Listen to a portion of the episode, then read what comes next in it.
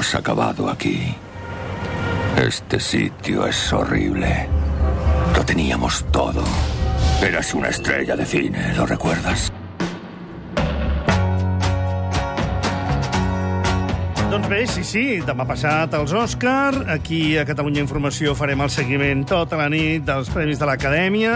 Tenim vuit finalistes i tenim un home destacat a Los Angeles, en Xavi Vilà, que ens vol fer l'última hora de com s'està preparant o què és el que pinta com a guanyador possible de l'Oscar 2015, que en realitat és 2014. Xavi Vilà, bona nit, benvingut. Hola, Àlex, bona nit. Mentre un petit exèrcit de treballadors de Coll Blau preparen aquesta catifa vermella encara protegida pel plàstic blanc perquè diumenge s'hi passegi en negre i rosa la flor de Hollywood, aquí a Los Angeles augmenta per moments la incertesa sobre el suposat favoritisme de Boyhood per emportar-se el guardó a millor pel·lícula a la gala de diumenge.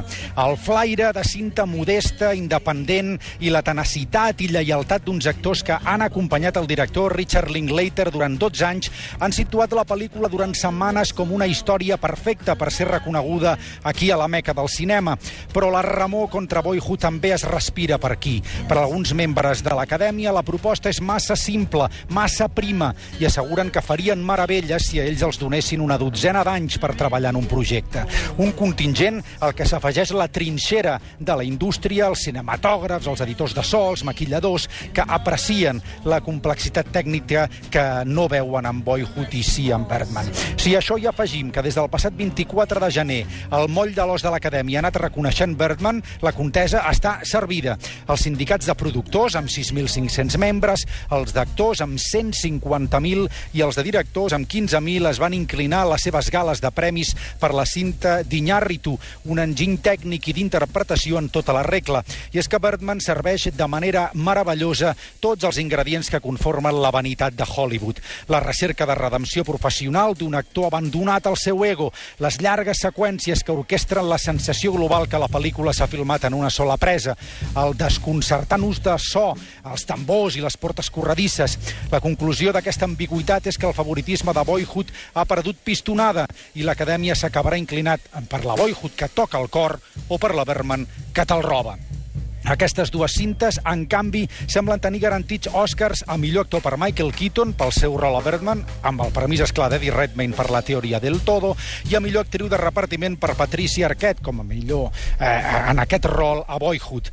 No hi ha dubtes, així, també que Julianne Moore serà la millor actriu pel seu rol a Stilalis i J.K. Simmons millor actor de repartiment per la seva feina a Whiplash. A partir d'aquí, les càbales van de les més fonamentades, que atorguen a Iñárritu l'Oscar a millor director, fins les menys convençudes, que situen a la cinta hispano-argentina Relatos salvajes en pugna duríssima amb la polonesa Aida i la russa Leviathan com a millor pel·lícula en llengua no anglesa.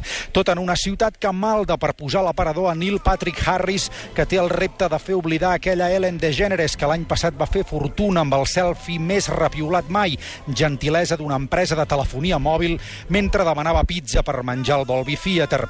I de fons, la remor que ja fa 87 edicions que acompanyen els Oscars, perquè es deixa davant d'aquesta aportació afroamericana al cinema, potser en part oblits com com aquests expliquen que els ingressos per venda d'entrades disminuïssin l'any passat més d'un 5% als Estats Units respecte al 2013. Feia 20 anys, 20, que el nombre d'espectadors a les pantalles nord-americanes no havia estat tan baix com el 2014. Elements per la reflexió aquí, a les portes del Teatre Dolby. Això és tot de moment. Àlex, ens retrobem diumenge a la nit. Adéu-siau. Gràcies, Xavi Vilà. Ens sentirem d'aquí 48 hores i esteu sentint la cançó que penso serà la guanyadora de l'Oscar en aquesta categoria, la cançó de Selma, la cançó que és gospel, Glory. Common és el seu intèrpret,